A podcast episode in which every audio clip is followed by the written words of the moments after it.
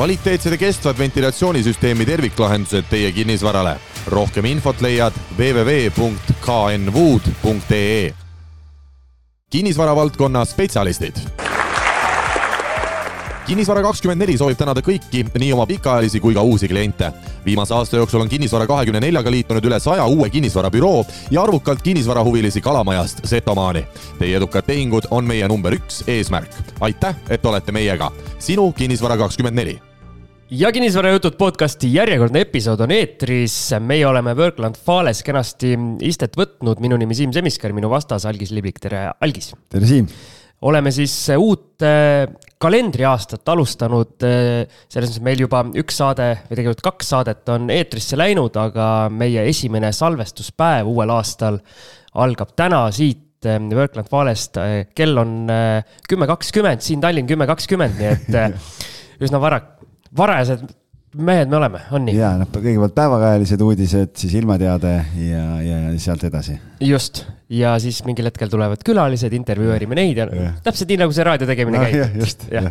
aga alustame siis äh, uudistest, et äh, hommikul Jüri ringil Läti rekkamees sõitis ringi kinni, liiklus on seal häiritud äh,, kasutage ümbersõite, aga mis kinnisvaras toimub no kinnisvaras on äh,, tahaks öelda, et on sama hull aeg äh,, kui sul seal Jüri ringi peal hommikul oli, aga. et ohutuledega kõik vilgutavad. aga selles mõttes, et tundub, et äh, et äh, uuel aastal, ma ei tea, kas inimesed on uusaasta lubadusi jaganud, et on vaja sellel aastal uude koju kolida, kas siis üürikoju või, või müügikoju või nagu nii-öelda ostetavasse koju äh,. et äh, kui ütleme, detsember, detsembri lõpp on nii või naa alati rahulik, et on jõulud ja aastavahetus ja inimesed on juba seal pühade meeleolus, et siis äh, siis aasta lõpp oli üsna vaikne tegelikult, viimased sihuke kuu-poolteist, aga nüüd jaanuar esimesed Äh, poolteist nädalat on, või noh, nädal siis, on järsku hakanud päringuid tulema ja väga erinevatele objektidele ja ma ei tea, vist, vist pole ühtegi objekti portfellis, mul on päris suur portfell praegu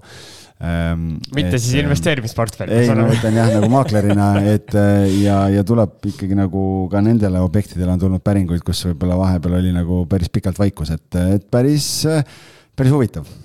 ahah nii et sina arvad, et see on nii-öelda uusaasta lubadustest tingitud või võib-olla inimestel oligi jõulude aeg selline vähe rahulikum pere keskel, saadi, saadi arutada, et näed, et eh, siia koju enam kuusk ei mahu, võib-olla tahaks kaks kuuske tuua korraga tuppa, et nüüd on vaja uut kodu, et ja, mees, mees hakka tegelema. nojah, et selles mõttes on, eh, ma arvan, et eh, seal on üht koma teist, aga, aga tegelikult noh, kui mõelda selle peale, et meil kaheksateist detsember, kui meil oli see kinnisvara, ütleme aastalõpu live on ju, ja kui seal Tõnu Toompark ja Mihkel Helliste rääkisid, et noh, mul ikka võttis vahepeal nagu võttis nagu moti päris maha, et nagu mehed rääkisid nagu nii tõsistes äh, toonides ja ütlesid, et noh, ega siin head nahka sellel aastal ei tule, on ju, et siis ja noh, oligi ju ka jutuks ka see, et jaanuar ja veebruar on nii-öelda ajalooliselt kinnisvaraturul väga rahulik aeg, kus tehinguid ongi vähe, siis mulle praegu tundub, et äh, võrreldes novembri ja detsembriga praegu on nagu ikkagi oluliselt äh, aktiivsemaks kuidagi muutunud, et äh, aga noh, vaatame, kas see on nüüd aasta alguse eufooria või,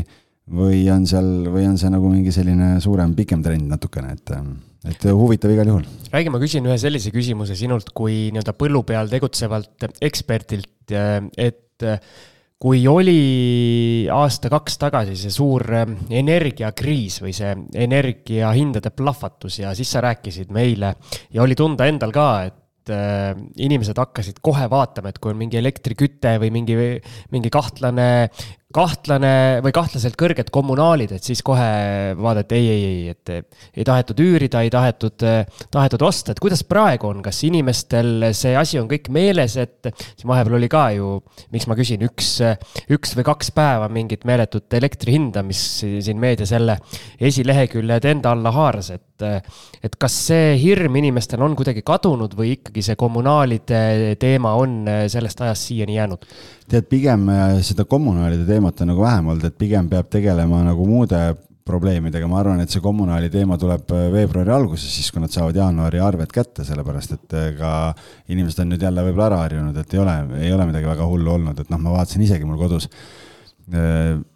mul oli see kõige kõrgem päev läks mul maksma sada kümme eurot, et nagu ja tarbimine oli kõige väiksem jaanuaris sel päeval kodus, on ju, et teadlikult natukene hoidsime tagasi, aga ikka nagu vaatad, noh, ma vaatasin, et, et siin peab, peab kõvasti tööd hakkama tegema, kui siin elektriarve sama hooga edasi läheb kuu lõpuks, et äh, aga, aga on tulnud viimase nädala jooksul äh, või peale uut aastat on tulnud päringuid äh, üürnikelt, meil halduses olevatest korteritest. üks konkreetne inimene on kirjutanud, et, et tema jaoks kommunaalid liiga kõrged, et ta ei ole, ta arvab, et see ei ole nagu ratsionaalne, et ta tahab kolida aga omanik tegelikult otsustas samal ajal just, et see korter on vaja ära müüa nagunii, et selles mõttes seal nagu asjad äh, klapivad omavahel hästi. Aga on tulnud mitmeid päringuid selle koha pealt, et nagu kommunaalide kisa ei ole, ma arvan, ma ütlen, et see, ma arvan, see tuleb veel, äh, aga, aga on tulnud, äh, ma olen saanud kaks kirja selle kohta, kus üürnikud arvavad, et kuna sellest hetkest alates, kui nad aasta, üks oli aasta tagasi ja teine poolteist aastat tagasi, et turuolukord on nii palju muutunud, et siis peaks nagu kirvega üürihinna kallale minema, aga, aga selles mõttes oli nagu päris huvitav, et, et äh, need kirjad tulid just neilt üürnikelt, äh, kus ma olin samas piirkonnas äh, sama hinnaga samaväärse korteri välja üürinud, mida nemad täna üürivad. et ja ühele isegi tõstsin, et noh, üks näide lihtsalt, et kaheksa, uusarenduse korter, kahetoaline, kaheksasada kakskümmend viis eurot on üür. üürnik kirjutas, et noh, pooleteist aastaga on ikkagi turg on nii palju muutunud, et tema teeb ettepaneku üürihind muuta seitsmesaja peale. aga ma sinna leidsin kahe nädalaga ühte korterisse, samasugusesse korterisse, sama majja, leidsin äh, uue üürniku, äh, enne oli üür kaheksasada, nüüd on kaheksasada viiskümmend. Et ma ütlesin, et, et trend, trend on nagu vastupidine, et noh, aga me praegu tõstma ei hakka, et, et las see kaheksasada kakskümmend viis olla. ja teine, teine inimene kirjutas, unustas ära, et tal on kaks koera vist kirjutas, et noh, et ridiculously high price on ju umbes, et tema ikkagi arvab, et ta ei peaks maksma nii kõrget üüri ja siis ma tuletasin talle need põhjused meelde, miks selle korteri üür, kus ta elab, on selline, nagu ta on ja ja seal olid nagu muid argumente, maa-alune parkimiskoht ja, ja noh, mingid, mingid asjad veel. ja siis ütlesin, et last but not least, et teil on kaks koera ka, on ju, et ärme et võid hakata kolima. et ärme seda ka ära unusta, on ju. et, et inimesed nagu tihtipeale unustavad mingid sellised asjad ära, et et mille pärast see hind võib-olla on selline, nagu ta on, et et, et kahe koeraga, ma arvan, tal ei ole väga lihtne seda korterit leida ja enamus üürileandid ei taha isegi ühte koera, on ju.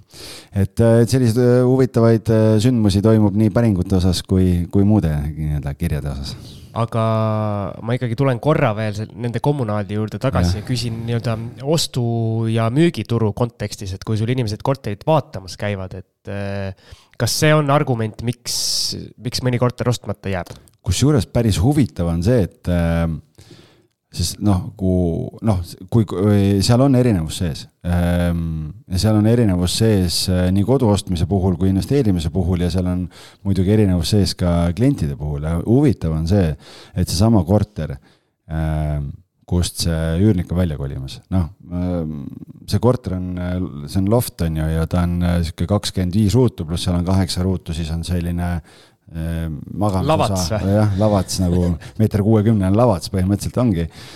ja seal on äh, kommunaalarve, sellel korteril on, äh, eelmine kuu oli üle kahesaja euro. millest kaheksakümmend või üheksakümmend eurot oli elekter, sest seal on infrapunapaneelid on seina peal. ja mul on, reedel käis klient vaatamas, me salvestame täna teisipäev, on ju, reedel käis klient vaatamas, eile käis klient vaatamas. mõlemale olen rääkinud, et suvel on seal saja kandis, talvel on praegu kakssada. silm ka ei pilgu nagu okei okay,, noh, et, et selles mõttes nagu. lavatsi eest maksaks kasvõi no, tonni. aga samas, samas jälle, kui paned nagu üürniku konteksti, et ta maksab viissada üheksakümmend eurot üüri, on ju, ja siis on paar sotti kommunaalid ka veel, et noh, ma saan tast selles mõttes nagu aru, et tõenäoliselt ta leiab kuskil võib-olla mingi, mingi soodsama variandi, kus, kus ta maksab võib-olla kuussada viiskümmend eurot üüri ja maksab kommunaale talvel, ma ei tea, sada viiskümmend, sada seitsekümmend, kuigi kui ta tahab suurema pinna peale kolida natukene või no isegi kui ta võtab sama suure et ega see on südalinnas, noh, et ega sa seal ei leia äh, ühetoalist äh, korterit, kui sa tahad head nagu uut korralikku korterit, sa ei leia nagu väga palju soodsama hinnaga, et see natukene üürnike jaoks ka nokk kinni, saba lahti, aga noh, tema asi on otsustada ja tema ise saab vaadata ja otsida, on ju, et äh, ega meil seal midagi teha ei ole, et täna pigem isegi võib-olla nagu suurem probleem nendest elektrihindadest on see, et mingites korterites, mingites majades on see külm on nii suur probleem, et ma ei tea, kuskil vanas puumajas mingid torud jäätuvad ära, kuskil sul on nurgapealne korter, siis ma ei tea, aken läheb, hakkab kondentsi tulema sealt, äh, noh, mingid muud mured on, millega on vaja tegeleda täna isegi, mis on nagu kommunaalidest võib-olla nagu suuremad äh, asjad, et see vahepeal see pakane oli päris käre siin. tahtsin laulma hakata pakasest. ei, ära hakka, ära hakka. kuidas sul endal, sul üürnikud ei ole nurisenud midagi? mul seni on olnud vaikus jah, et äh, vaatame, nüüd hakkab, ma alati kardan seda külma aega, kui need suured kommunaalid tulevad. palju sul elektriküttega korterid on? elektriküttega ei ole ühtegi. aga sul on boilerid? mul on boilerid jah, Kehras ongi sellepärast, Kehra korteris on üsna kõrged kommunaalid, kuna seal see elektri, elektri hind tuleb päris, päris jõuline juurde ühetoalise kohta. aga see, pluss veel minu meelest, nii palju kui ma aru, aru olen saanud, siis Kehras on üldiselt ka see nii-öelda keskkütte hind on ka päris krõbe võrreldes mitme teise piirkonnaga aga, aga mul seal Saue korteris on see, ma ei tea, kas me siin podcast'is oleme rääkinud, on see kuulus mingi, vot seal on mingid õhkssoojuspumbad, aga need on need tööstuslikud. Kuskil õues on õhkssoojuspumbad ja pluss siis on veel mingi, mingi katel, mis mingi, mingit kütteõli põletab, ehk siis vahepeal tellitakse seal mingit kütteõli, mis siis mingid kuud äh, lükkab nagu selle kommunaalide, kommunaalide summa nagu ühekordselt ülesse päris huvitav, polegi kuulnud enne. ma ka ei olnud enne kuulnud ja et see oli mingi van-, kunagi seal ka kaks tuhat kuus vist on see maja, et selle buumi ajal tehtud, siis, siis pandi mingi selline huvitav süsteem. Aga, aga jah, ma natuke kardan seda talve alati nende kommunaalidega, et kas keegi, kas keegi hakkab midagi, midagi kuskil kurtma või ei hakka. aga üldiselt sinu, sinu hinnang siis praegusele turule on milline, et äh, siin on pikalt olnud see ülepakkumine, eriti kui me räägime Tallinna, Tallinna üüriturust, et eh, kas see endiselt eh, veel jätkub, algis, ma vaatan kiir, kiirete näppude voor, et värske, värske, värske info, info, jah, et vaatame kohe, mis meil siin ma juba tean neid numbreid, et tuhat seitsesada, tuhat kaheksasada pakkumist tuhat seitsesada seitsekümmend viis on praegu. nii et ikka samal tasemel. muutusteta jah okay., suures plaanis. ja normaalne on kuskil tuhat kakssada, tuhat kolmsada. jah, see pigem tuhande kolmesaja juures vist jah, et. et ikkagi. sihuke kolmkümmend prossu rohkem, kui peaks ja ütles ju, ütles ju Tõnu Toompark ka meil seal äh, kinnisvarajutud live-üritusel, et äh, ega see asi ju nädala või kahega nii-öelda ära ei lahene, et äh, need korterid lahustuvad mingil hetkel ilmselt turgu ära, aga see võtab kõik aega ja, ja noh, tegelikult ega ta ongi ikkagi noh, see ma enne ütlesin, et ühel korteril õnnestus üüri tõsta, aga valdavalt ikkagi see trend on pigem vastupidine, et täna, kui kuskil üürnik vahetumas on, siis, siis õnneks meil on see kolm kuud aega tavaliselt, kui nad tahavad minna, et hakata uut üürnikku otsima ja, ja sama hinnaga leida. Et äh, aga on ikkagi olnud mingid korterid ka, kus on näha, et on vaja üüri langetada, et siin mingi üks kahetoaline läks viiskümmend eurot odavamalt kui, kui enne ja nii edasi, et aga noh, ma olen omanikele ka öelnud, et see on selle äri lahutamatu osa, sul ei ole midagi teha, et äh, pigem praegu tulla viiskümmend eurot alla, võtta sisse, nii et sul vakantsi ei jää, kui see, et et hoiame kuu aega tühjana, sa maksad veel kommunaale ka ise peale ja tegelikult sul see, see kahju on nagu suurem, et. aga mis su vaade nii-öelda pikemaks tulevikuks on? Oled sa selle peale mõelnud? tead, ma ei ole selles mõttes mõelnud selle peale, et, et ma olen kogu aeg olnud nagu seda meelt, et, et ma noh, kinnisvaramaaklerina mul on vaja oma tööd teha selles turuolukorras, kus me oleme ja on vaja kohaneda lihtsalt ja ja, ja, ja lihtsalt küsimus ongi selles, et, et tihtipeale võib-olla tundub, et ise suudad nagu võib-olla paremini kohaneda, omanikel võib-olla läheb see natukene raskemini, et noh, ma saan mingite kohtade pealt saan nagu aru, et noh, et, ähm, et kui müük, me oleme alustanud müüki või ma ei tea, siin neli või viis-kuus kuud tagasi ja mingid objektid on siiamaani müümata, on ju, siis paratamatult tekib seal natukene sellist äh, äh, küsimärke, et noh, et mis saab nagu või miks müümata on ja nii edasi, aga et noh, et, et täna ma ikkagi ütlen seda, et noh, varem näiteks kui, kui mingi korterit oli vaja müüa, ma ütlesin, et äh, normaalne müügiperiood on kolm kuud, siis täna ma ikka kõigile klientidele ütlen, et kolm kuni kuus kuud pead arvestama ja kui on kallima otsa mingi ridaelamu või, või maja või, või korter, et siis võib minna ka kauem, on ju, et noh, et lihtsalt et, et kui hakata müüma, et siis lihtsalt peab rohkem aega varuma, sest kui, kui müügiprotsessiga venitada, siis lihtsalt automaatselt paned endale hinnasurve peale kohe, sellepärast et siis, siis ei ole nagu võimalik oodata, on ju. aga seda, et mis siin sellel aastal juhtuma hakkab, noh, ma ise mõtlen selle peale, et ma arvan, et mingi seos nendel suurenenud päringutel müügiobjektide vastu on ikkagi ka selles, et Äh, see, et need positiivseks signaalid selle osas, et Euribor hakkab kukkuma ja et aasta lõpuks seal kahe, kahe poole juures, et, et mulle tundub, et see annab inimestele natuke rohkem kindlustunnet selles osas, et see kõige hullem on möödas. aga noh, muidugi seal on see teine pool, millesse ma ei ole väga tahtnud äh, kaevata ise mitte tahtnud, aga pole kuidagi nagu aega või fookust olnud, et noh, et see majanduse pool, et töökohtade kaotused ja, ja kõik see pool, et et kui, kui palju see nagu võib mõjutada, et aga, aga kinnisvaraturu enda kontekstis ma ütlen, et minu asi on üürida ja müüa ja, ja lähtuda sellest, et kui objekt müüki tuleb, teha hinnastamine, teha strateegia ja siis anda endast parim, et see kõik tehtud saab, et mul on üks selline teema veel sulle hambusse visata, et äh, ma just sattusin ühe, ühe investoriga siin rääkima mõni aeg tagasi. Ja, ja kuidagi formuleerus äh, minul endal mõttes selline, selline tees, et äh, selline ühe korteri investor on praegu turult ära läinud, et et need, kes mõtlesid, et oh, et ostaks ühe korteri ilma pikema plaanita, eks, ja, ja paneks selle üürile ja, ja siis olekski kõik. et sellised invest-, investorid on kadunud, mõned on oma kortereid isegi kas müümas või müünud, ehk siis neil on äh, nii-öelda jalad natukene alt ära löönud või nii-öelda vibra sisse löönud, kui kasutame sellist kuulsat korvpalliväljendit. et äh, mis sina selle kohta ütled? jah, seal on äh, kindlasti mingi tõde on seal sees, et et, et täna lihtsalt need numbrid ei tööta, on ju, ja, ja tegelikult on teine äärmus on veel. On üks osa suuri investoreid, kes äh, müüb oma varasid ja ostab mujale, et just äh, üks investor, kelle korter. mujale sa mõtled siis nagu välismaale? ja üks investor, kelle korterit ma müün, ta on siin mingi aja aastast resideerub siin Hispaanias ja, ja, ja mujal ja ta on Hispaaniasse juba ostnud üht-teist ja just andis teada, et ta müüb oma portfelli ära Et... siinkohal, siinkohal tervitame Gretel Kutani, kes sai oma podcast'i launch itud ja yes. mina olen äh, väga aktiivne kuulaja olnud. ja, ja seal on juba kolm-neli episoodi on ja, väljas, nii et, et äh, jõudu ja jaksu sinna, sinna päikeserannikule et. Äh, ma olen oluliselt targemaks juba saanud. jah, ma, ma ütlen ausalt ise, et ma olen esimese osa ainult veel jõudnud ära kuulata, et ma rohkem ei ole, aga nii, et igal juhul soovitame, keda see huvitab, et siis otsige üles. kolmas osa oli äh, kinnisvarajuristiga, osa, mida meie siiamaani ei ole suutnud teha veel. no meil on advokaadid on käinud. on või?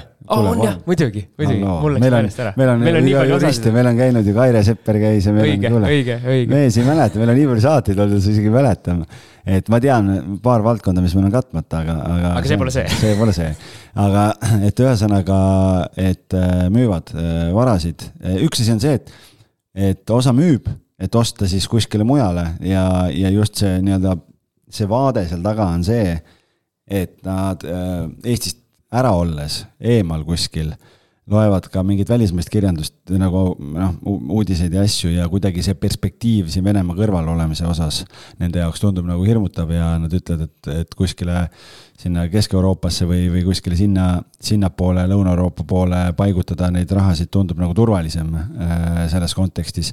ja teine osa on äh, siis need investorid, kes ei ole pikalt ostnud juba, sest äh, siin numbrid ei tööta ja ostetakse ka kuskile mujale, sellepärast et lihtsalt numbrid äh, toimivad paremini ja, ja, ja nii ta on, et kahjuks mingi osa rahast liigub nagu, päris arvestatav osa liigub Eestist välja.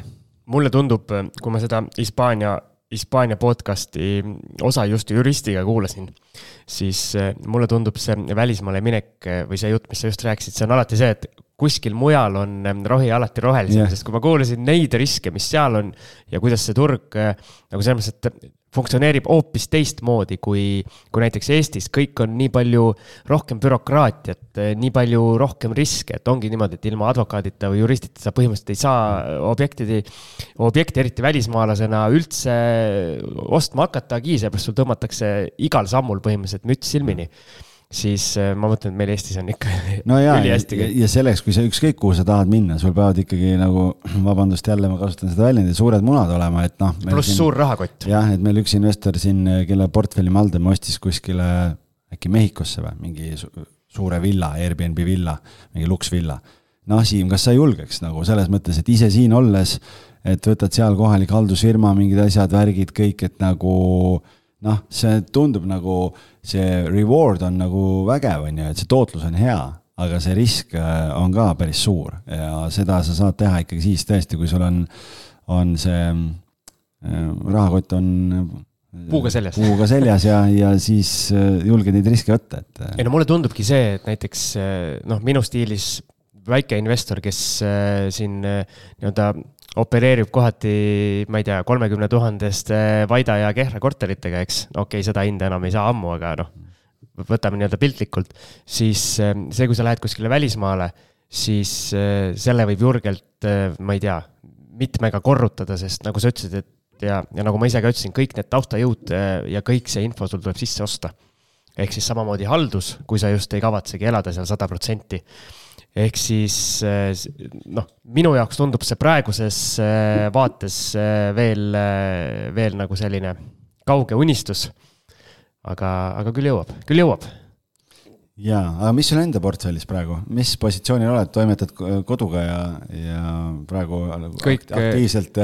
Kõik vaba aeg ja kõik isegi mitte vaba aeg, kõik läheb praegu remondile ja sellele, sellele, ehk siis kõik läks nii, nagu äh, selles uusaasta episoodis äh, tol hetkel veel olid asjad lahtised, aga kõik notarid, kõik toimusid, kõik objektid said müüdud ja ostetud vastavalt nii nagu nii nagu jutt oli ja töö käib. kõik kinnisvaraomanikud saavad rahulikult äh, hingata, et siimu varitsemas ei ole. hetkel ei ole jah, et äh, käin ainult äh, ehituspoodides varitsemas okay. et kes seal mind näeb, siis võib tulla tulla tere ütlema. jõudu soovima, jah? jah, sest noh, olgem ausad, kui ma seni viimati tegin selle mugavuslipi kuueteist ruuduses korteris kus vaevalt oma asjadega ära mahtusin, siis nüüd on seitsmekümne viie ruudune, siis äh, tundub täiesti hoomamatu objekt, et. üks tuba on sama nagu ongi, ühte tuba hakkad valmis saama ja siis mõtled, et oh jumal küll, et äh, viis korda sama palju on veel ees, et äh, noh, keeruline, keeruline.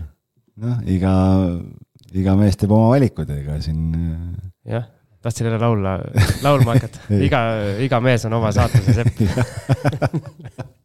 aga Äh, laulame me küll, aga me laulame väiksel lumiorava pausil, algisega kahekesi, laulame hääled lahti, et siis tulla saate järgmises osas vähe sellisema äh, kui ütleme, et mitte hingelisema teema juurde, hingeliste teemadega tegeleb Algis siin oma kalli abikaasaga, aga yeah.. Äh, filosoofilisema. filosoofilisema teemaga jah, et, et kui ikkagi motivatsiooni ei ole endal, siis me aitame seda leida äkki kuidagi. no loodame. nii, aga lumi orab kinnisvara valdkonna spetsialistid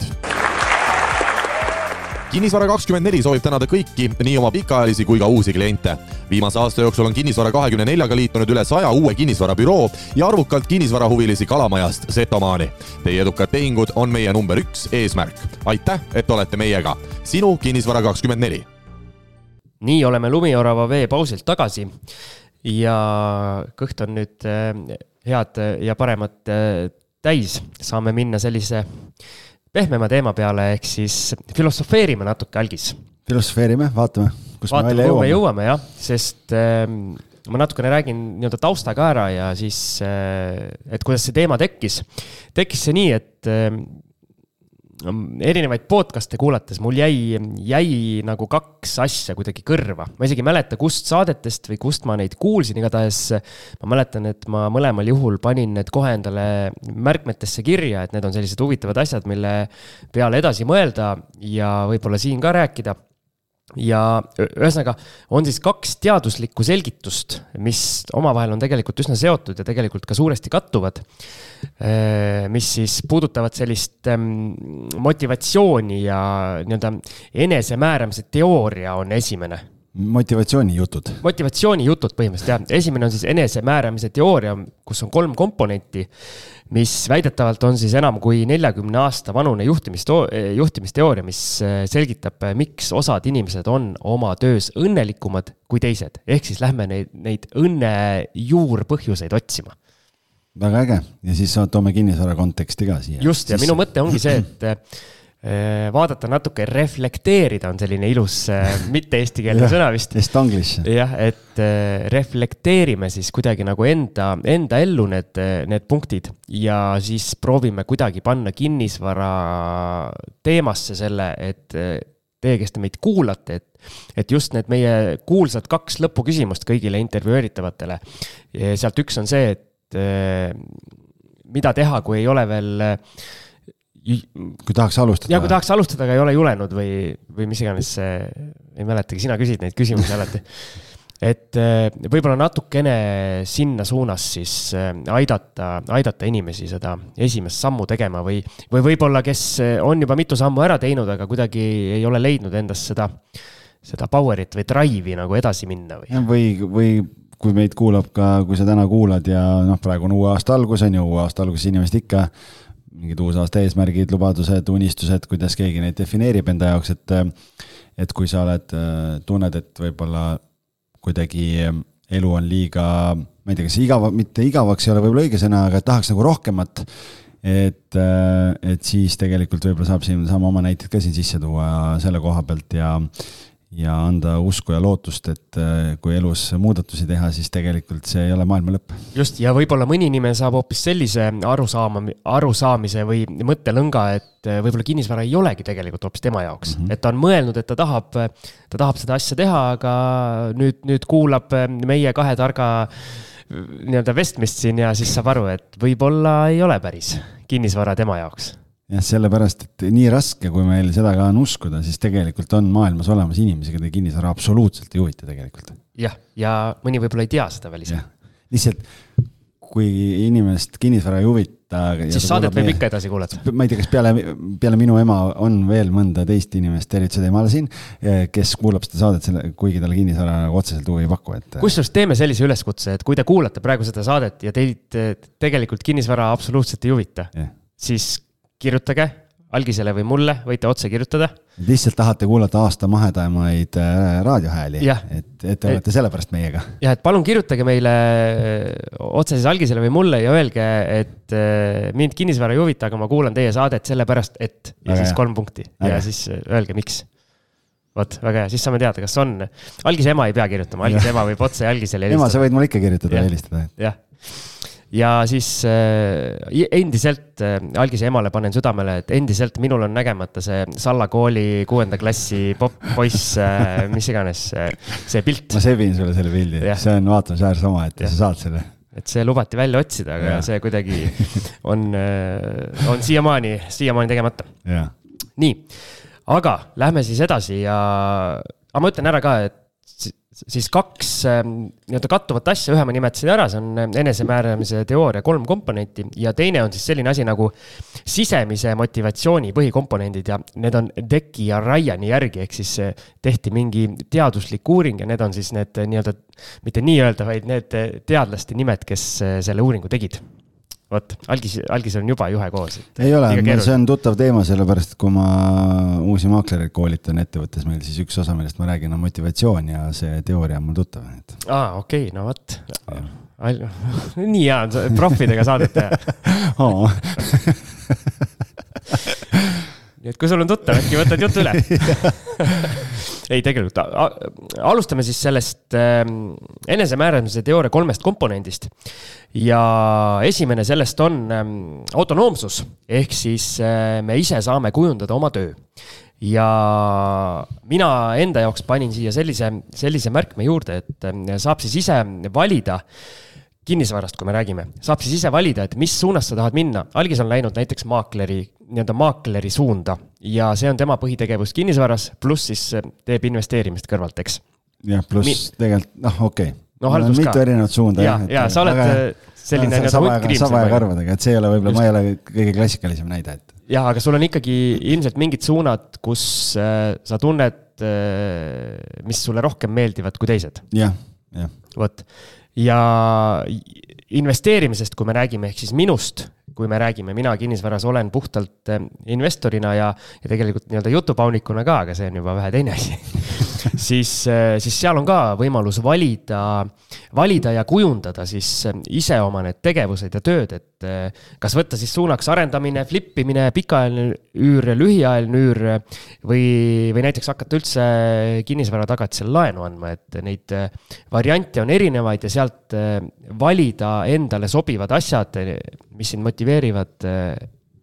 Neid, neid on päris palju ja need valdkonnad on lõpuks ikkagi üsna erinevad nojah, selles mõttes tegelikult on see, et ja ma arvan, et ega võib-olla kui me kinnisvara kontekstis räägime, et kui keegi alustab, siis ega sa ju tegelikult ei tea, kuhu see, kuhu see tee sind lõpuks välja viib, et et meil on nii palju olnud saates neid külalisi, kes on käinud, nad on alustanud siin, ma ei tea kuskilt mingi flip imisega või, või on alustanud mingi üürikorteritega, siis on saanud aru, et äh, see on kuidagi liiga aeglane või igav nende jaoks, on hakanud flip imisega tegelema, on jõudnud sealt arendamise juurde välja, et see ei tähenda, et see üks otsus on nagu nii-öelda lõplik, et, et see on teekond, kus sa ju õpid ja arened kogu aeg vot ja sa viisid täpselt äh, jutu nii-öelda teisele punktile, mis on siis meisterlikkus, ehk siis meie töö pidevalt arendabki meid.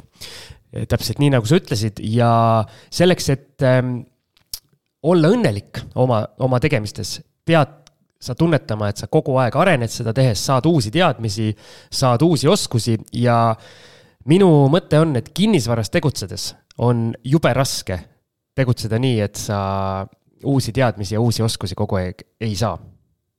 noh, järelikult siis sa ei tee midagi lihtsalt. jah. sellepärast, et kui sa midagi ei tee, noh, kuigi üks osa inimesi on ju sellised nii-öelda mugavustsoonis või? jah, need nii-öelda teoreetikud, kes käivad kõik koolitused ära ja istuvad alati saalis ja, aga ühtegi otsust vastu ei võta, et siis sa õpid küll, aga isiklik kogemus on ikka alati see kõige parem õpetaja ju ja, aga siin on see ikkagi, me räägime nendest inimestest, kes, kes teevad midagi näiteks siis põhitööna, eks. ja et miks nad on õnnelikumad kui mõni teine, ehk siis need teoreetikud, nemad ei, ei tee seda noh, ütleme jah, et, et selles mõttes on, on ükskõik, millist tööd sa täna teed, siis ikkagi eesmärk peaks olema ju kogu aeg see, et ma liigun edasi, arenen, õpin, et äh, kuna ma olen ka juhtival positsioonil olnud siin äh, mingi osa oma karjäärist, äh, siis ja mul on olnud. huvitav, kuidas? ja, ja ei tea, kuidas, et, äh, et no kunagi oli lihtsam, et noh, nii nagu kinnisvaraga, et kunagi oli palju lihtsam. et, et tegelikult ja mul on ka tiimis olnud inimesi, kes on töötanud samal positsioonil, ma ei tea, kümme-viisteist aastat ja osadele meeldibki, nad õpivad, lihtsalt arendavad, täiendavad ennast sellel ühel ametikohal. aga siis üks osa inimesi, sa näed, et nad on nii suures mugavustsoonis lihtsalt ja nad on et sa näed, et tegelikult oleks ammu-ammu aeg vahetada töökohta, sellepärast et, et see töökoht ei paku talle enam seda arengut või seda väljundit ja, ja ma olen ühe korra juhina ka selle vitsa saanud, et üks inimene käis, käis sellise ehm, noh, näha on, et e, saba on norgus ja, ja käib ringi ja, ja sahistab sussi ja tööd teha ei viitsi. pea on norgus ja saba on lont. jah, kõik no vahet ei ole, tal oli vastupidi, et, et ja siis istusime maha ja ja noh, siis hakkasid sealt tulema need jutud umbes, ma olen ikkagi siin konkurendi juurde ja umbes noh, pa-pa-pa-pa-pa-pa ja noh, mina arvasin, et ta on nagu hea äh, nagu selline äh, tegija, on ju. ja, ja siis ma tookord äh, müügidirektorina tegevjuhiga rääkisin, ütlesin, et me ei saa seda venda ära lasta, et davai, et nagu pakume talle palka juurde, et tegelikult nagu on väärt seda. ja siis ta pool aastat silmad särasid ja siis oli samas kohas tagasi see oli mulle see õppetund, et raha on lühiajaline motivaator, et see et see on väline, sinna me jõuame pärast ka veel, aga, aga seal oligi see, et ma ütlesin talle lihtsalt lõpuks, et äh, sulle endale on kasulik ja parem, kui sa leiad mingi teise töökoha, sellepärast et sa raiskad oma elu ja raiskad oma potentsiaali praegu. aga muidugi ka inimene sellel hetkel, kui sa talle seda räägid, ta ei saa aru, on ju. ja siis pärast ma kunagi nägin teda, siis ta ütles, et kuule, thanks, nagu, et, et ma olen jumala happy praegu aga mul on küsimus, kas maakler saab tegutseda selliselt, et ta on sellises tuimas mugavustsoonis, et ta teeb, äh, teeb kõike nii, nagu ta kogu aeg on teinud. saab. aga tulemusi ei ole lihtsalt.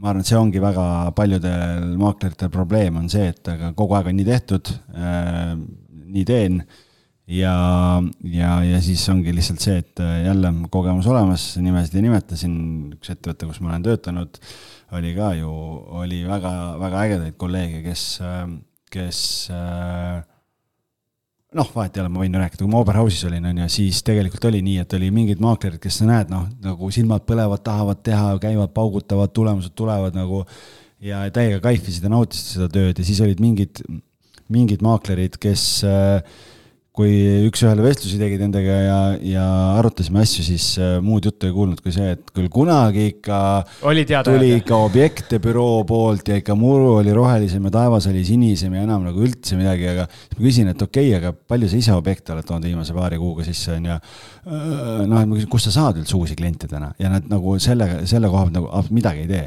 sest ainukene asi oli see, et aga noh, kunagi sai äh, büroo poolt objekte. et, et, et seal ongi see, kus kus on see, see mugavustsoon lihtsalt nii hullult sisse kikkinud ja ootadki lihtsalt, et keegi tooks sulle tööd nagu, aga maaklerina see nagu ei käi nii. aga kinnisvaras investeerimisel, vot vot seal mulle tundub, et kuidagi on nagu raske mitte areneda, võib-olla ma olen ise nii eh, noor ja roheline ikkagi selles vallas, et iga objekt või iga suund või iga samm, mis ma teen, siis eh, no mitte iga, aga enamus on minu jaoks selles mõttes uued või eh, seal on mingi uudne, uudne nurk juures ja ma tunnen, et kogu aeg lähen nagu edasi. noh, tegelikult ongi ju, ega nii maaklerina kui investorina, ega see protsess on ju selles mõttes nagu sarnane, et, et minu jaoks ka iga objekt, iga klient iga müügiprotsess, üüriprotsess on ju erinev, et, äh, et seal on mingid nii-öelda, see protsess ise on võib-olla sama, aga need olukorrad, mis seal stardist finišisse jõudmiseks nagu on vaja läbi käia, on erinevad. ja sul nagu objektide puhul samamoodi, mõne objektiga õnnestub paremini, mõnega õnnestub kehvemini ja mõn, nagu mõnega võib-olla fail'id täiega, et. Äh, jah, aga õpid. sina ei fail'i muidugi. mina fail in ka. Ah, okay. tegelikult fail in mina ka okay ärme nüüd aja kärbseid pähe meie kuulajatele. nii, aga lähme edasi, kolmas eneme, enesemääramise teooria komponent eh, on siis tähenduslikkus. ehk siis meie tööl peaks olema mingi suurem mõte ja laiem tähendus, et me oleks siis õnnelikumad. ja minu mõte on, et see kui ma nüüd räägin endast, siis see, see, see suurem mõte ja tähendus eh, tuleb või, või seda saab eh, tihti oma tööle ise leida. ehk siis ehk siis näiteks äh, maakleri tööl tõenäoliselt, äh, ma usun, et sa oma, oma tiimi maakleritele ka räägid seda, et äh, see suurem tähendus on näiteks inimestele hea teenuse pakkumine nii tähtsas valdkonnas, kui seda on kodu ja kas siis enda kodu või üürikodu ostmine või üürimine, eks. Ja samamoodi siis arendajana või minu puhul üürileandjana on võimalus inimestele see kodu, koduelamus teha võimalikult äh, mugavaks, võimalikult ilusaks. ja investeerimisel, mis ma ise olen mõelnud, see suurem tähendus äh, võiks olla ka lõpuks siis põlvkondade ülese portfelli kokkupanemine, et mõtled, et äh, kunagi sinu järeltulijad mõtlevad, et vot oli see, oli see Siim seal. see vanaisa Siim ikka. oli üks lobamokk küll, aga vähemalt, vähemalt pani sellise korraliku üüriportfelli kokku jaa, ma ütlen, et neid, äh, see selles mõttes väga, väga õige, et seal võib olla neid määratlusi võib väga erinevaid olla, et ja ma arvan, et ka ka kinnisvaramaaklerina neid määratlusi saab olla väga erinevaid, et mida keegi tahab pakkuda, et keegi tahab pakkuda head emotsiooni, keegi tahab pakkuda kvaliteetset teenust, keegi tahab pakkuda seda rõõmu ja turvatunnet, et äh, aitab oma klientidel selle tehingu otsast lõpuni nagu turvaliselt ära teha, noh väga erinevaid definitsioone saab sinna külge panna, et. Ähm, üks asi, mis mul on veel, mida ma ise olen mõelnud ja mis, mis tegelikult meil ähm, siin saates vestlustest ka välja on tulnud, ma arvan, on sul ka sisimas. mis sul praegu isegi võib-olla pähe ei tulegi, on, on see, et äh, sina tahad sisimas äh, oma tegevusega korrastada maaklerite turgu mm -hmm. ja mina tahan oma tegevusega korrastada üürileandjate turgu selles mõttes, et äh, pakkuda head teenust ja näidata, et see on norm mitte norm ei ole see, et sa saad mingi äh, mingi vana korteri endale kuskile kätte ja siis ei viitsi seal mitte midagi teha, kõik tilgub, kõik jookseb, annad selle välja, oled selline ütleme siis viisakalt äh, jobu, äh, jobu üürileandja ja siis arvad, et see on nagu norm, et, see üürnik ongi, ongi nii-öelda, ma ei tea, mõttetu inimene, et ma ei viitsi tema jaoks nagu pingutada, et, et see ei ole norm. jaa, ma olen selles mõttes olen sada protsenti nõus, et tegelikult ongi nii, et et äh, eks siin saates on ka saanud ju südant valutada, sellepärast et see teenuse kvaliteet meil turul on, nagu ta on, on ju. ja teine pool tegelikult, ega ma ju olen ka nii-öelda üürileandja tooli peal, et meil on ikkagi üle saja korteri halduses ja ma alati ütlengi, et meie eesmärk on see, et äh, nii üürileandjad kui üürnikud oleksid õnnelikud, et see on halduses see asi, mida me teeme ja sellega me tegelikult ka tõstame seda turustandardit, et sest ma tean, et me teeme professionaalselt ja selliselt, et et omanikud saavad tunda ennast turvaliselt ja ka üürnikud saavad tunda turvaliselt, nad teavad, et lepingud on korrektsed, kõik on korrektselt tehtud, kui neil on mured, me aitame, et nagu kõik on, kõik on nagu kontrolli all kogu aeg. ja kui sa ütlesid, et sa istud sellel üürileandja toolil ka, siis mul tuli selline vaimusilmas selline pilt ette, vaata, sul on nii palju neid toole, kus sa istud. Yeah.. sa saaks seda toolide mängu teha, vaata, kus üksinda. hakatakse klaveriga mängima ja siis algis kõigib üle ja, ümber kolme või mis kolme, kümne tooli ja siis klaverimäng lõpeb, üks tool võetakse ära, aga sul pole vahet, kümnest saab üheksa, sul on ikka, kuhu istuda. On, on, toole jagub ja. jah, vaat-, vaadake, millise konglomeraadi on Algis endale üles ehitanud et.... ma ise ütlen, et see on nagu ämblikuvõrk, vaata, et kõik. toole on nii palju. jah. okei äh, nüüd on hea koht, kus teha üks väike, väike paus, meil on vaja lumioravat manustada veel natukene, sest äh, muidu läheb raskeks see jutustamine. kvaliteetsed ja kestvad ventilatsioonisüsteemi terviklahendused teie kinnisvarale. rohkem infot leiad www.knwood.ee olen pausilt tagasi ja enne kui me läheme järgmise, järgmiste punktide juurde, siis äh, ma tahan algist sulle ka öelda ja kuulajatele ka. Äh, me teeme ühe boonusosa, kus mina olen ka võtnud endale, no mitte südameasjaks, aga olen ähm, võtnud üheks eesmärgiks natukene maaklerite turgu hakata korrastama hakata maaklerite hulgas natuke vihavaenlasi teenima, aga ja algis veel ei tea seda, see on tema jaoks ka üllatus, et me teeme selle episoodi salvestuse ära, siis me hakkame seda boonusosa salvestama. aga kus boonusosasid kuulda saab? boonusosasid äh, saate kuulata patreon.com kaldkriips kinnisvarajutud ja neid boonusosasid on seal enam-vähem sama palju, kui on meil põhiosasid, nii et peaaegu kakssada, nii et seal jagub veel tundideks ja päevadeks. no nii palju ei ole. kuulamist. nii palju ei ole, kui, et peaaegu kakssada. sa ümardasid no,. noh, sada seitsekümmend osa oleme teinud, ma arvan. meil on kuskil sada, saja neljakümne, saja viiekümne vahel no, vist praegu. aga ütleme ja need varieeruvad seal viiest minutist poole tunnini, nii et. pluss seal... siis minu kuulsad videopäevikud oh, jumal, ma räägin, et, et sinna võite ennast unustada ja kui te nüüd sinna sisse kaevate, siis ma arvan, et töö jääb tegelikult küll tegemata. just, ja nüüd äh, üks asi veel, mis ma ütlen, et need boonusosad ei tule alati samal nädalal, mis me välja reklaamime või need, need külalised, kes meil on, ei ole alati samal nädalal oma boonusosaga ka hiljem eetris. küll nad tulevad ja maaklerid, ärge seda boonusosa kuulake, mis, millest praegu jutt on, et. ma arvan, ma sahkerdan selle kuidagi sealt maksumüüri tagant välja, saadan kõikidele maakleritele selle laiali ja ütlen, et vot, sellise mehega teen koos saadet. vot, ehk siis kuulake, siis saate teada, millest millest see minu äh, ristesõda alguse sai. ma nüüd ülejäänud saate lõpuni siis higistan siin ja mõtlen, et mis sealt tulema hakkab. jah, ma arvan, et sina jääd minu sellest, äh, minu sellest luubi alt jääd välja, aga, aga eks me siis seal räägime, ma saangi natuke grillida siin okay. ka. nii, aga lähme siis edasi, sisemise motivatsiooni põhikomponendid, ehk siis äh, räägime natuke motivatsioonist. ja algis, mis vahe on sisemisel ja välimisel motivatsioonil, kas sa tead seda? tean. noh väline motivatsioon on lühiajaline, et ähm, see tähendab seda, et ähm, sul on mingi, sa teed midagi sellepärast, et sa pead tegema midagi, ma ei tea, mul on vaja käia tööl sellepärast, et mul on vaja arved maksta, mul äh, noh, mis iganes, mingi selline põhjus. Versus äh, sisemine motivatsioon on see, et ma tahan seda teha, mida ma teen just algiselt super, super selgitus siia täpselt nii, nagu minul kirjas oli. ehk siis kõik, kes te praegu kuulate, pange korra pausi peale ja mõelge oma tegevused läbi ja vastake sellele küsimusele, et äh, öelge, öelge näiteks minu puhul, et äh, korterite üürile andmine, kas sa pead seda tegema või sa tahad seda teha? algise puhul maakleri töö, kas sa pead seda tegema või sa tahad seda teha?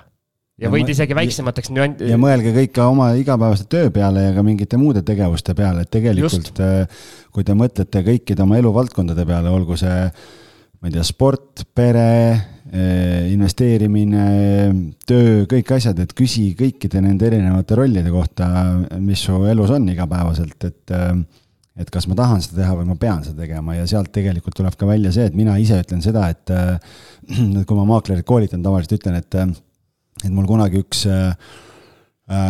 üks juhtidest ütles nagu päris huvitavalt, et ütles, et kui sa teed, et sellepärast ma pean tegema, siis see on justkui selline asi, et sa teed nagu hambad ristis või nagu higi hais küljes, ta ütles, noh, et nagu, et see ei ole nagu meeldiv ja mõnus. aga kui sa teed sellepärast, et ma tahan seda teha ja sul on see sisemine põlemine olemas, siis sa teed seda, sa teed seda sellepärast, et, et sind huvitab see protsess ja see tegevus ise ja see raha ja see kõik muu nii-öelda on siis see tulemus, mis sellega nagu kaasneb. üks väga hea näide on seesama meie podcast. me ei oleks sada seitsekümmend episoodi elus olnud, kui me sellele küsimusele, kas või miks te seda teete, seda podcast'i, vastaksime, et me peame tegema. peame tegema või et noh, tahame, tahaks raha teenida täiega, et nagu, et kuidas ikka saab, et me oleme tegelikult ainult sellepärast teinud, et endal on äge ja, ja huvitav just, ja nagu Algis ka ütles, siis ilmselgelt, nagu aru saate, siis sisemise, sisemine motivatsioon on palju tugevam ja jätkusuutlikum ja no võib siis öelda niimoodi, et ideaalis tuleks valida endale tööd ja tegemised, eh, mis saavad jõudu just sisemisest motivatsioonist.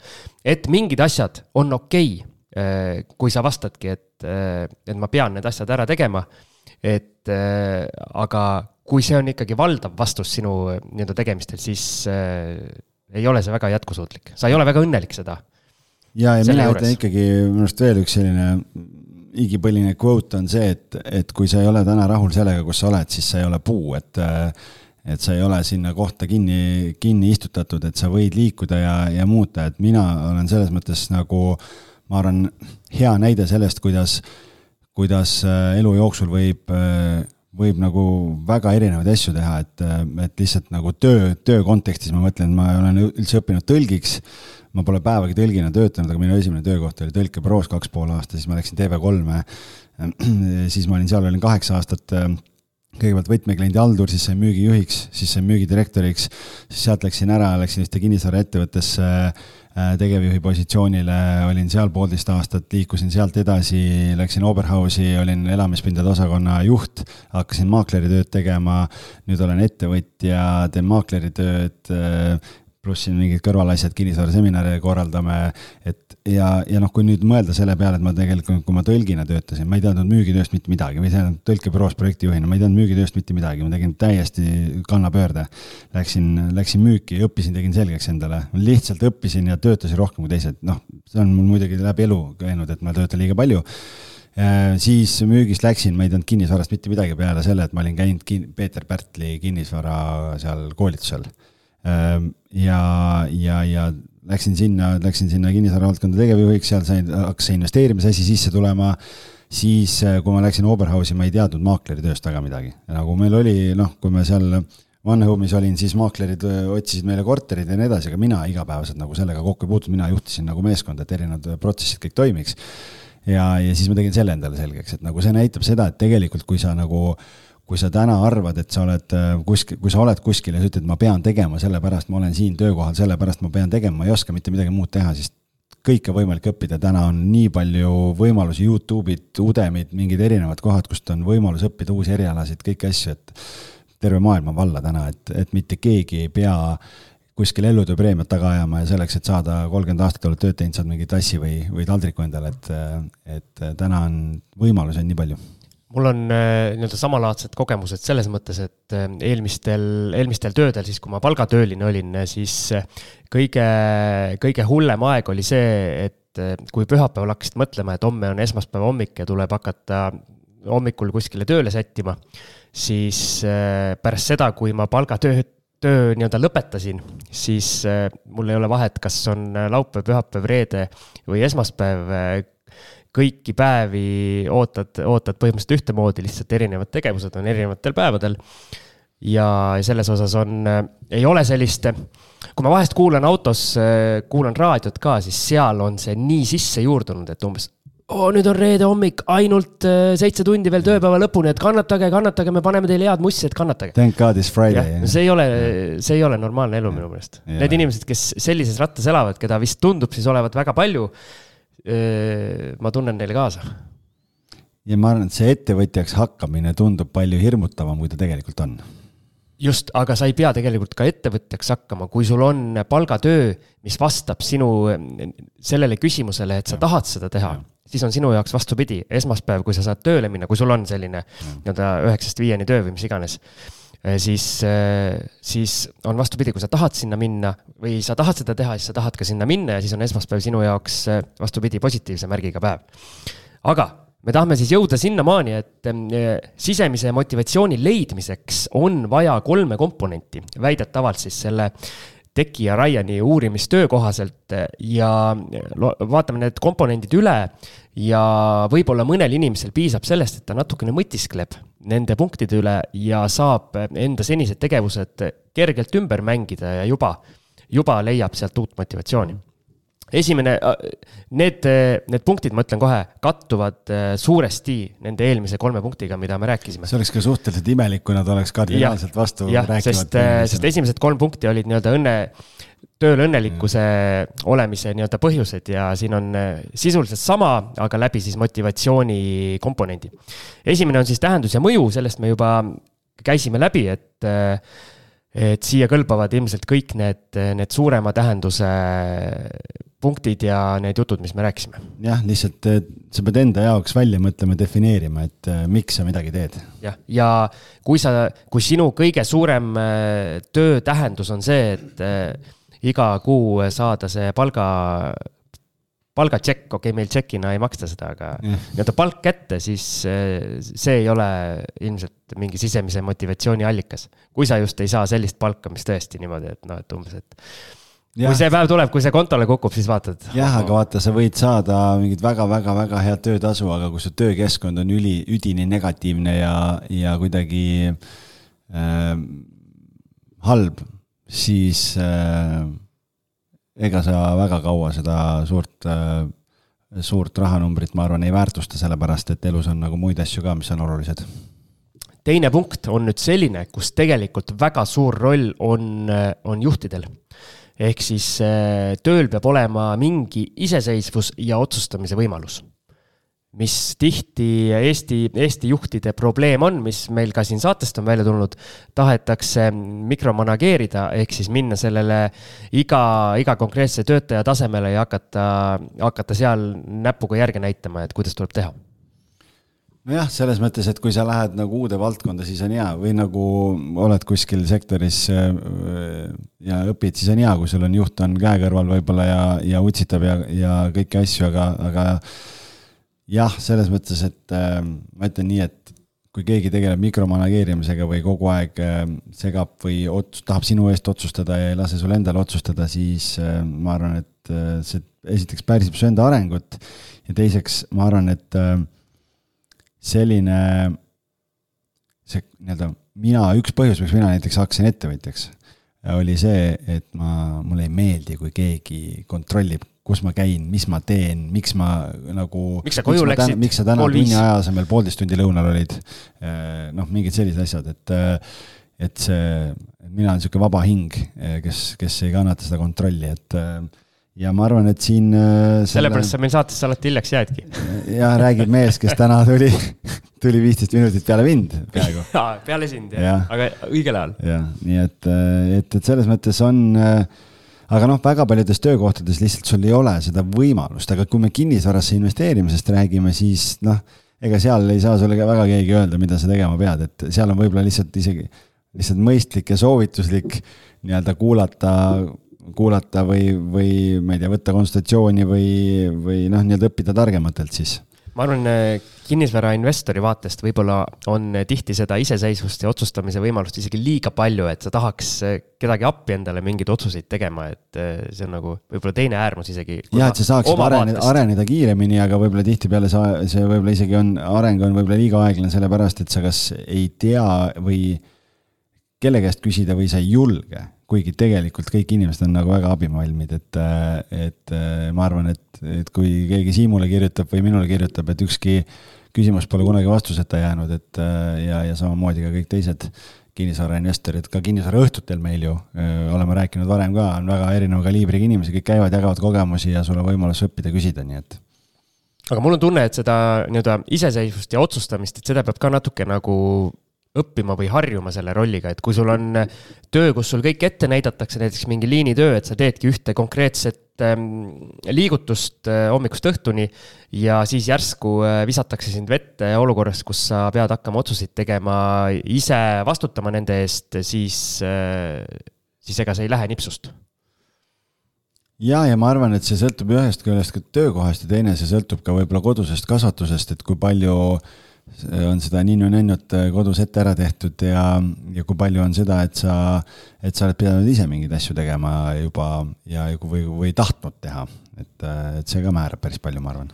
Nii et väike nõuanne meie kuulajatele, kui te olete näiteks palgatöölised ja tunnete, et ähm, teie töö ahistab teid selles mõttes, et teil ei ole endal otsustamise võimalust antud või jäetud, siis äh, proovige koputada oma ülemuse uksele ja teha väike, väike see nii-öelda vestlus.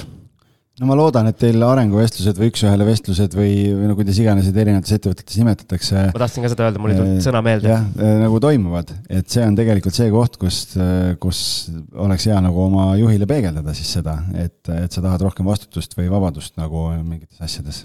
just, ja selle suurema vabadusega sa õigesti ütlesid, käib kaasas reeglina ka vastutus, ehk siis sellist asja ei ole, et otsustada tahan küll, aga vastutagu keegi teine või saab ka nii või? Zahhateli Palutšeno Palutšilsa как всегда, aga Siim ei saa sellest aru. sain, sain. okei okay..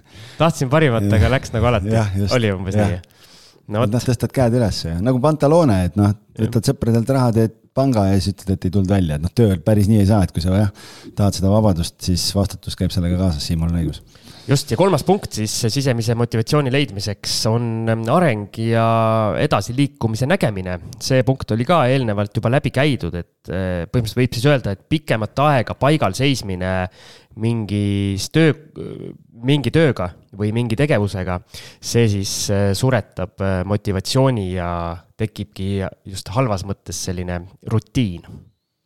Nojah, et see on jälle, vaata, see sõltub väga palju organisatsiooni ülesehitusest ka, et kui palju sul on nagu erinevaid tasemeid ja kuhu sa saad, kas sa saad üldse areneda või ei saa ja see sõltub ka sellest töö iseloomust, et et ähm, mõnikord on võib-olla vaja ka kuskil ettevõttes mõni nii-öelda kunstlikult tekitada mõni positsioon, et äh, selleks, et inimesel oleks see tunne, et tal on võimalus kuskile püüelda, et ma ei tea, sa oled äh, võtmekliendi haldur, sul on võimalus saada müügijuhiks, kuigi tegelikult on väike tiim, ma ei tea, kuus inimest, kaheksa inimest ähm,, aga äh, et tegelikult ei ole vaja seda vahelüli sinna vahele, aga võib-olla selle jaoks lihtsalt, et inimesel oleks see eesmärk, et, et äkki ma ühel hetkel kunagi saan.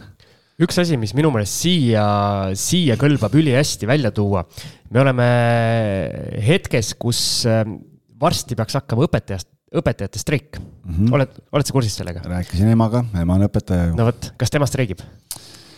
minu teada nad streigivad, enamus streigivad jah, et erakoolides vist on ainult see, kus ei streigita, et.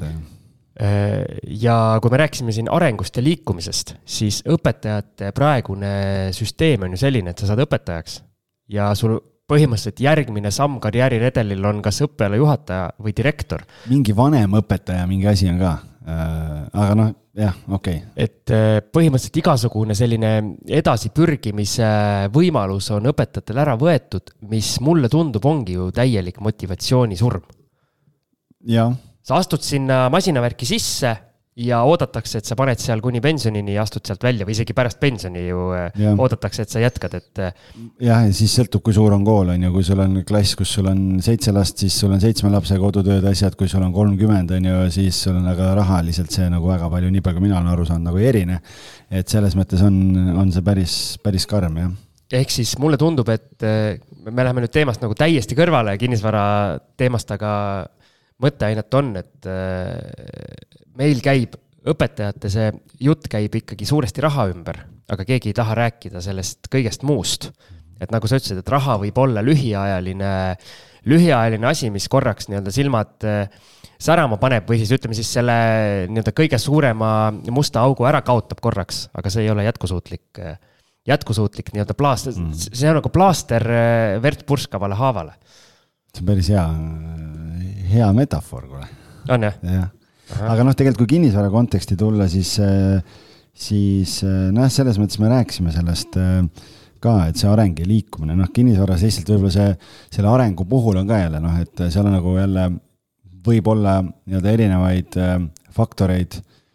Et kui sa praegu mõtled selle pealt, aa, mul on siin üks korter või mul on kolm või nii edasi, et aga noh, et peab ju raha koguma selleks, et saaks järgmist korterit osta, siis, siis selles mõttes jah, et sa, sa ei saa ühe korteri pealt kümne peale hüpata, et kogu aeg areneda, aga küsimus on lihtsalt selles, et et nagu Siim teeb, et võib-olla kui sul on vahepeal kolm korterit, tunned, et tahaksid rohkem kasvada, siis võib-olla peab vahepeal sammu tagasi astuma, ma ei tea, ühe korteri ära müüma, tekitad kapitali, teed mõne flipi, tuled mugavustsoonist välja, võtad sealt, kasvatad kapitali, saad võib-olla ühe korteri asemel jälle kaks osta mingil hetkel. et noh, neid variante on ka nagu erinevaid, et et või siis mõelda niipidi, et kuidas, kuidas tegeleda sissetulekute kasvatamisega, millest on Raivo Hein rääkinud meil siin ja erinevad, erinevad külalised. et kuidas kasvatada, kuidas ennast arendada siis selliselt, et sa saaksid ka oma kinnisvaraportfelli kiiremini kasvatada. just, et ma olen endale just selle arengu ja liikumise koha pealt investorina kirja pannud siin sellised punktid, et et investorina on tegelikult üsna hea jälgida oma arengut, kuna paljud asjad on mõõdetavad numbriliselt. Ja sa saadki vaadata, kas sinu tehingud ja objektid lähevad siis pidevalt näiteks tootlikumaks, ehk siis sa leiad kogu aeg paremaid diile. kas need tehingud lähevad nii-öelda suuremaks ja kallimaks, kas need tehingud lähevad keerulisemaks kogu aeg näiteks et see on ka areng, et sa julged kogu aeg järjest suuremaid, suuremaid asju ette võtta, keerulisemaid asju ette võtta. ja see hoiab sind nii-öelda toonuses. jah, et võib-olla alguses ostad korteri, mis on juba valmis üürimiseks, üürid välja, mingil hetkel vaatad, et oo oh,, et tegelikult saab hea tehingu, et teen ise värskenduse nagu Siim ja võtad sealt mingi kapitali kasvu nagu sisse ja kogu selle poole, et et jah, selles mõttes neid arenemise võimalusi on erinevaid. ja, ja see kogu üldise port-, nii-öelda portfelli suuruse numbri arengu mõttes ka saab kogu aeg jälgida, et kas portfell kogu aeg kasvab. ja üks punkt, sa ei pea lõpmatuseni kasvama. Näiteks üks arengukoht, mille ma endale olen välja mõtestanud või mõelnud, on see, et areng saab olla ka see, et sa üritad mingil hetkel, kui su portfell on kasvanud juba nii-öelda korralikuks, sinu jaoks piisavalt suureks siis areng saab ka see olla, et sa üritad seda võimalikult passiivseks teha, ehk siis annadki mingid tegevused, üritad kogu aeg välja anda ja liigud siis selle passiivsuse suunas. mõistad? Ja, siis kirjutad algisele ja ütled, et kuule, ma enam ise ei taha tegeleda, et äkki haldate mu portfelli ära. ei no sa pead ikkagi optimeerima, selles mõttes algis, algis pakub turu parimat teenust ja noh, see ei saa odav olla, eks Ja, head, head asja odavalt ei saa. jah, et see on nagu kunagi oli see, kui algis mängis ka korvpalli, teab, et kas osta, osta kaks paari odavaid ketse ja siis varsti juba kolmandat paari minna ostma või osta ühed korralikud. jah, nõus, me ei ole nii rikkad, et osta odavaid asju siin. täpselt, täpselt. kui võib-olla kinnisvara puhul see alati ei kehti. jah, sest odav asi ei pruugi olla alati halb asi. jah, just, et see on pigem võib-olla isegi tihtipeale vastupidi, et, et see odav asi võib olla väga hea tootlusega. jah, aga. või tihtipeale ongi odavate asjade seast tuleb valida need head asjad välja jube mõistu jutuks läks välja. kuule, aga on sul mõtteid selle kohta veel? ei, ma arvan, et me niisama siin heietada ei tahaks, et oluline on, et kõik, oluline on, et kõik oluline saaks öeldud ja ma arvan, et me oleme siin päris pikalt jauranud juba, nii et, et aitab küll. jah, et äh, ma loodan, et me nüüd suurt hulka kinnisvarahuvilistest kuulajaid ära ei kaotanud sellise filosofeerimisega, aga vast.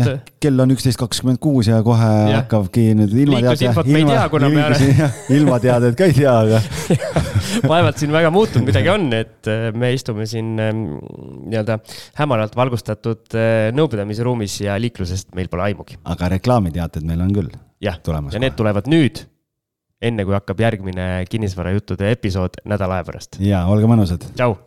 kvaliteetsed ja kestvad ventilatsioonisüsteemi terviklahendused teie kinnisvarale. rohkem infot leiad www.knwood.ee. kinnisvara valdkonna spetsialistid kinnisvara kakskümmend neli soovib tänada kõiki, nii oma pikaajalisi kui ka uusi kliente. viimase aasta jooksul on Kinnisvara kahekümne neljaga liitunud üle saja uue kinnisvarabüroo ja arvukalt kinnisvarahuvilisi Kalamajast Setomaani. Teie edukad tehingud on meie number üks eesmärk. aitäh, et olete meiega. sinu Kinnisvara kakskümmend neli